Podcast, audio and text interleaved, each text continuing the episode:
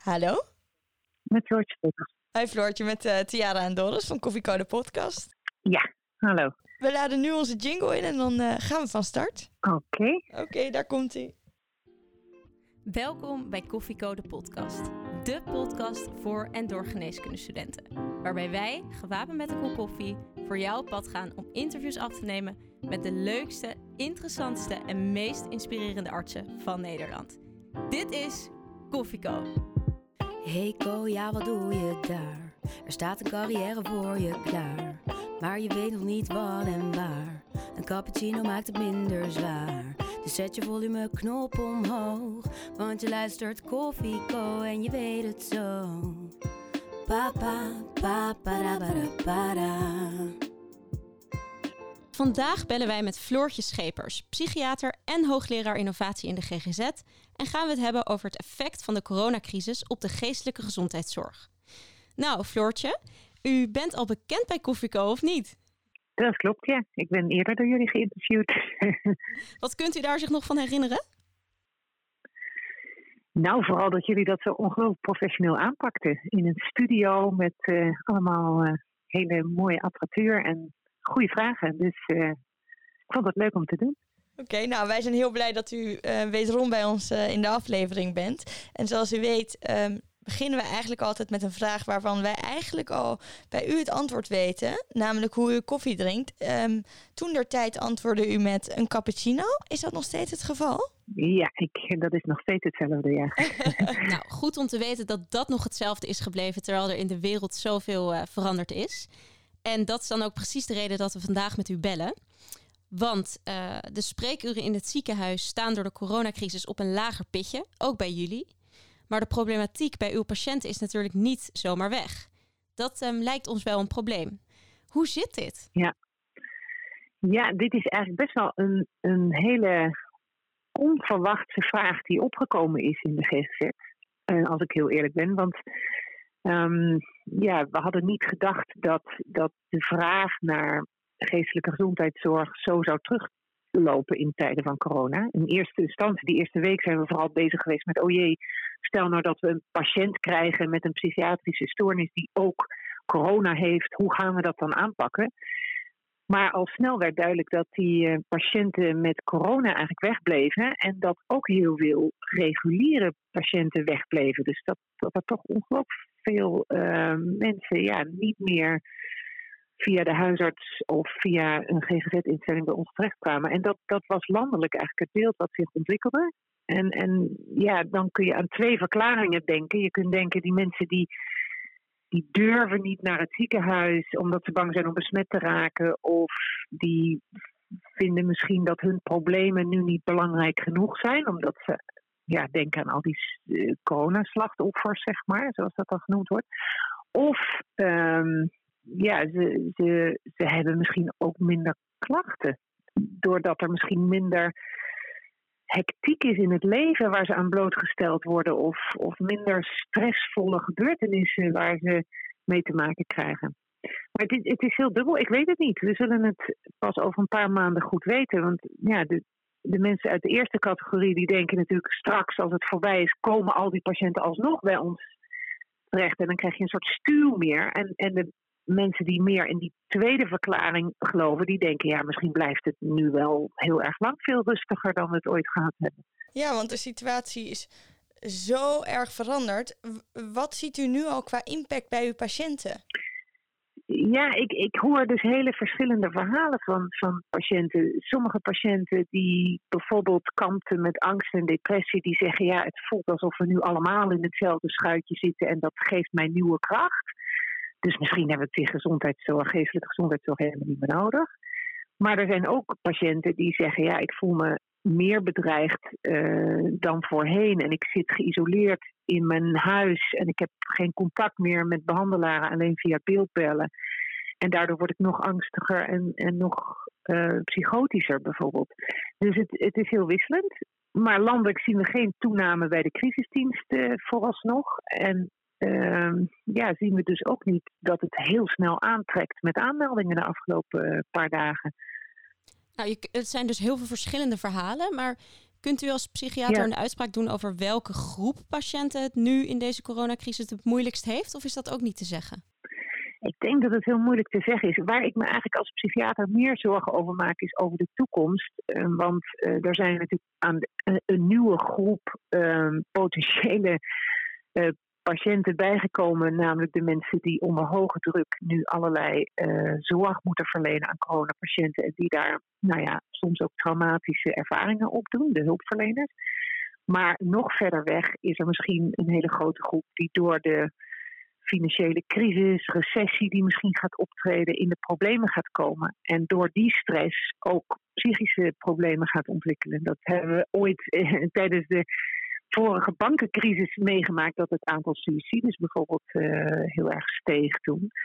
Nou ja, dat, dat zou in een nieuwe economische crisis weer kunnen gebeuren. Want, want dat soort stressvolle levensgebeurtenissen hebben grote impact op het mentale welzijn van mensen. Dus, dus dat voorzie ik wel, maar ik kan het niet voorspellen. Ik, ik weet het niet. En het valt dus nog steeds niet te rijmen met uh, de terugloop van patiënten van de afgelopen zes, zeven weken. Ja. Ik kan me voorstellen dat u daar als psychiater natuurlijk uh, met een uh, vooruitziende blik ook naar probeert te kijken. Is er iets wat jullie nu ja. ter preventie daarvan doen? Als jullie daar nu al zo over nadenken dat het eventueel later een, uh, een soort stuwmeer zou kunnen vormen?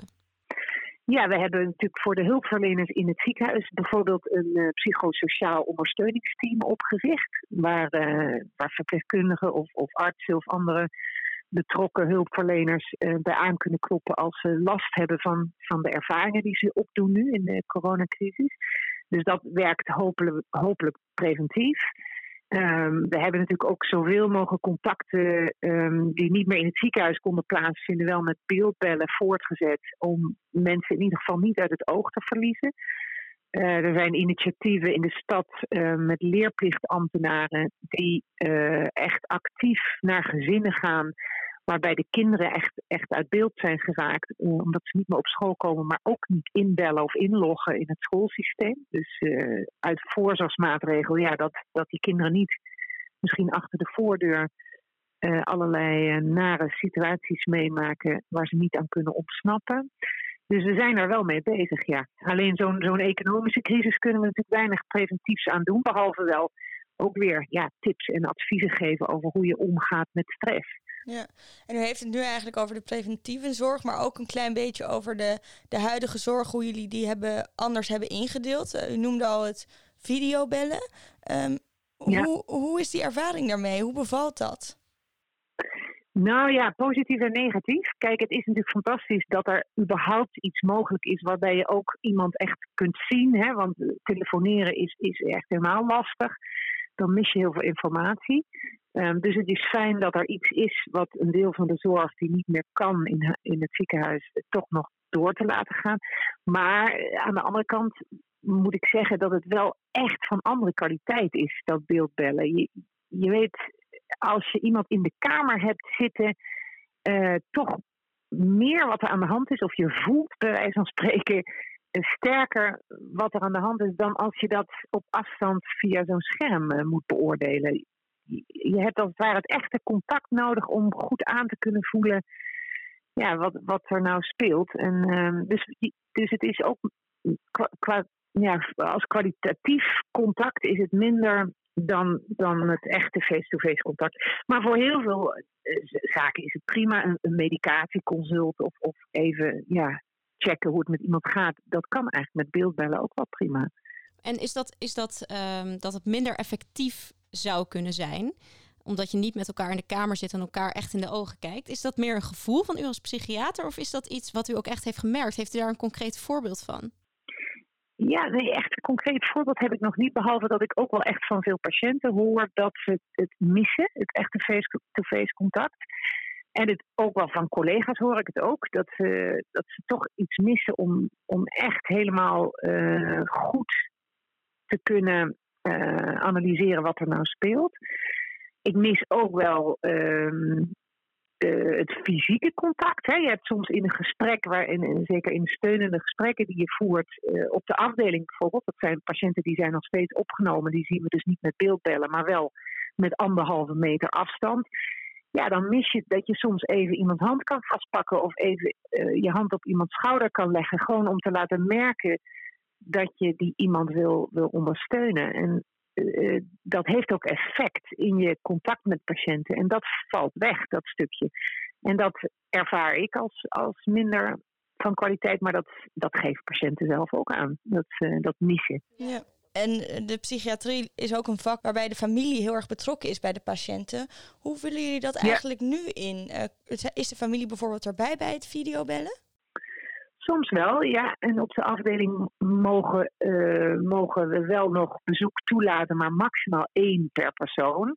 Is uh, tot nu toe de regel geweest. Dus het, het kan nog wel de familie betrekken, maar het is, ook dat is veel minder makkelijk dan uh, voor de coronatijd, waarin je soms nou ja, het hele gezin of ook nog ooms en tantes kon uitnodigen als dat nodig was of simpel was. Dus dat, dat beperkt wel, ja. Ja, dat zal ook niet altijd ten goede komen voor de patiënten. Um, en zo is het nee. zo. En ook is het zo dat natuurlijk psychiatrische patiënten uh, ook vatbaar zijn voor het coronavirus. Uh, bij u op ja. de afdeling, merkt u dat het coronavirus, um, dat patiënten geïnfecteerd zijn door het coronavirus en naar de IC moeten? Nee, nee, wij hebben geen één patiënt gehad uh, die het coronavirus kreeg en daar uh, dus uh, voor naar de IC moest of voor, voor naar een somatische afdeling moest. We hebben wel een paar keer een verdenking gehad op het coronavirus, maar dat bleek dan toch uh, niet zo te zijn. Die mensen werden dan negatief getest. En overal waar je vraagt, of dat nou in Amsterdam is, of in de regio Utrecht, of in de regio Rotterdam, lijkt dit het geval te zijn. Er zijn wel psychiatrische patiënten met coronabesmettingen. En vooral op de oudere psychiatrieafdelingen uh, leidt dat ook soms tot, uh, tot heftige gevolgen, waarvoor ze naar de IC moeten. Maar de meeste reguliere GGZ-instellingen hebben nauwelijks tot geen patiënten met corona. Ja. Ik kan me ook voorstellen dat, uh, dat patiënten juist nu in deze periode door corona klachten zoals angsten ontwikkelen. Hebben jullie daar ook al iets van, van gemerkt? Ja, ook niet zo sterk als we verwacht hadden, eerlijk gezegd. Het, het, lijkt er toch op alsof heel veel mensen ook wel veerkrachtiger zijn dan je misschien van tevoren zou bedenken in zo'n grote crisis die iedereen treft. dus het is, het is natuurlijk niet iets wat jou als individu treft, maar de hele samenleving in Nederland, in de hele wereld, in alle landen. Dus misschien geeft dat ook wel een bepaald gevoel van ja, samenhorigheid ja. bijna. Wat, wat ook voor mensen die psychisch kwetsbaarder dan gemiddeld zijn, uh, helpt of zo. Het, het, het is niet iets, uh, nee, het is niet het algemene beeld wat we krijgen. Dat mensen extreem angstig zijn of veel angstiger zijn dan, uh, dan we van hen kenden voor de coronacrisis. Dus eigenlijk als, nee. ik, als ik u zo naar u luister, zegt u wel van het is wisselend. Maar over het algemeen merk ik hier toch een toon dat het, dat het u toch wel meevalt. Ja, ik moet zeggen dat, dat we aanvankelijk in de eerste week, eerste twee weken van de coronacrisis heel erg nou ja, aan het anticiperen waren op het ergste. Hè. Veel coronapatiënten, maar ook een enorme toename van angst, paniek, suicidaliteit, uh, agressie, van alles natuurlijk hadden we al die scenario's hebben we met elkaar doorgenomen. En, en hebben we dus ook ja, plannen gemaakt voor dat worst case scenario. Maar als ik nu zes, zeven weken later terugkijk, dan is het, kan ik niet anders zeggen dan dat het alles uh, ja, dat het heel erg meegevallen is. Ja, ja en, en wat nou, uh, we praten over één jaar later, er is een vaccin voor corona, daar hopen we natuurlijk allemaal heel graag op. Wat, wat ja. gebeurt er dan? Uh, zakt het dan opeens allemaal in? En verwachten jullie dan een enorme vloed aan uh, patiënten? Ik verwacht wel dat dus de gevolgen, dus de economische gevolgen en de, en de gevolgen voor de samenleving van dit hele coronavirus ja, stressvol zal zijn en dus ook een impact zal hebben op de, op de mentale gezondheid van mensen. Dus dat, dat zie ik wel gebeuren. Ik denk als we echt uh, ja, sociaal-maatschappelijk in een recessie terechtkomen, waarbij veel mensen zonder werk komen te zitten en minder perspectief hebben voor de toekomst, dat dat voor de psychiatrie eigenlijk de, ja, de, de, ergste gevolgen van de coronacrisis zijn. Dus dat, dat is mijn, uh, mijn idee over de gevolgen daarvan. Dus niet direct van het virus zelf, of, of als er straks een vaccin is, uh, wat dat samenhangt met psychiatrie, maar wel in de indirecte gevolgen. Ja. Duidelijk.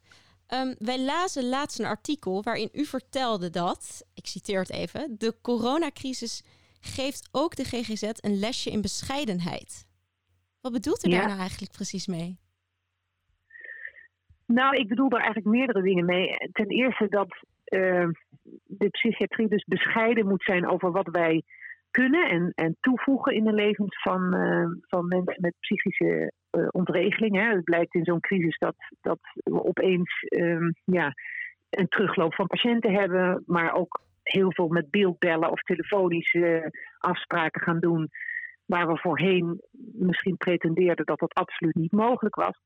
Maar ook denk ik dat uh, we toch slecht in staat zijn als sector om de echte beweging naar voren te maken en echt te transformeren. Daar ging dat artikel vooral over. Ik denk dat de psychiatrie heel veel moet veranderen nog, verbeteren nog. Wij moeten veel meer vanuit de behoeften van de patiënt uh, dingen gaan organiseren met elkaar. Dat, dat doen we echt niet goed genoeg. Het zijn eindeloos lange wachtlijsten. We werken absoluut nog niet goed genoeg samen.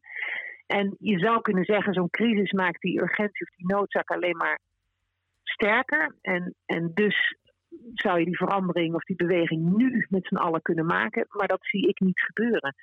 En ik vind dus dat uh, de psychiatrie, je zag ook wel heel veel geluiden van wat zijn we fantastisch bezig met al dat beeldbellen.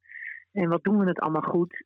Ja, dat, ik vind dat de psychiatrie daar wat bescheidener over moet zijn. En, uh, er is nog veel ruimte voor verbetering, als ik het zo goed absoluut, hoor. Ja. Absoluut. Ja, ja, ja, zeker.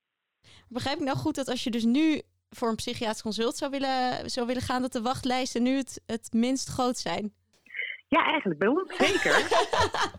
dat is het maffe. Ja, je kunt, er zijn zelfs bedden leeg, weet je. Je kunt gewoon opgenomen worden. En dat gebeurt normaal nooit? Nee. Nee, dat Nou. gebeurt normaal nooit. Nee, Nou, dat is heel gek. Maar, eh, ja, dat is bizar. echt bizar. ja. Maar goed, er zijn ook minder hartinfarcten, heb ik begrepen. Daar snap ik ook niks van. en ik had laatst een huisarts aan de telefoon die zei: Joh, mijn praktijk loopt leeg. Ik zie niemand meer. dus eh, ja, gek, genoeg lijkt het voor een bepaalde groep mensen met reguliere zorgvragen dus toch wel goed uit te pakken. Ik weet het niet. Ja. Maar ja, nogmaals, over twee, drie maanden dan krijgen we misschien die enorme vloedgolf over ons heen. Dus ik weet het niet. Het kan nog eh, helemaal veranderen natuurlijk. En wat zou na de, wat zou na de coronacrisis nou één verbetering zijn die u graag zou willen zien in de psychiatrie?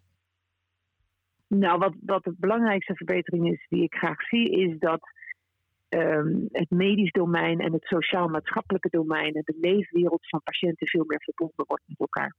We zitten nog te veel in onze oude medische reflexen en eh, we kijken nog te weinig naar dat wat er ja, in de leefwereld van de patiënt speelt en wat daar gedaan kan worden om iemand weer eh, tot herstel te laten komen.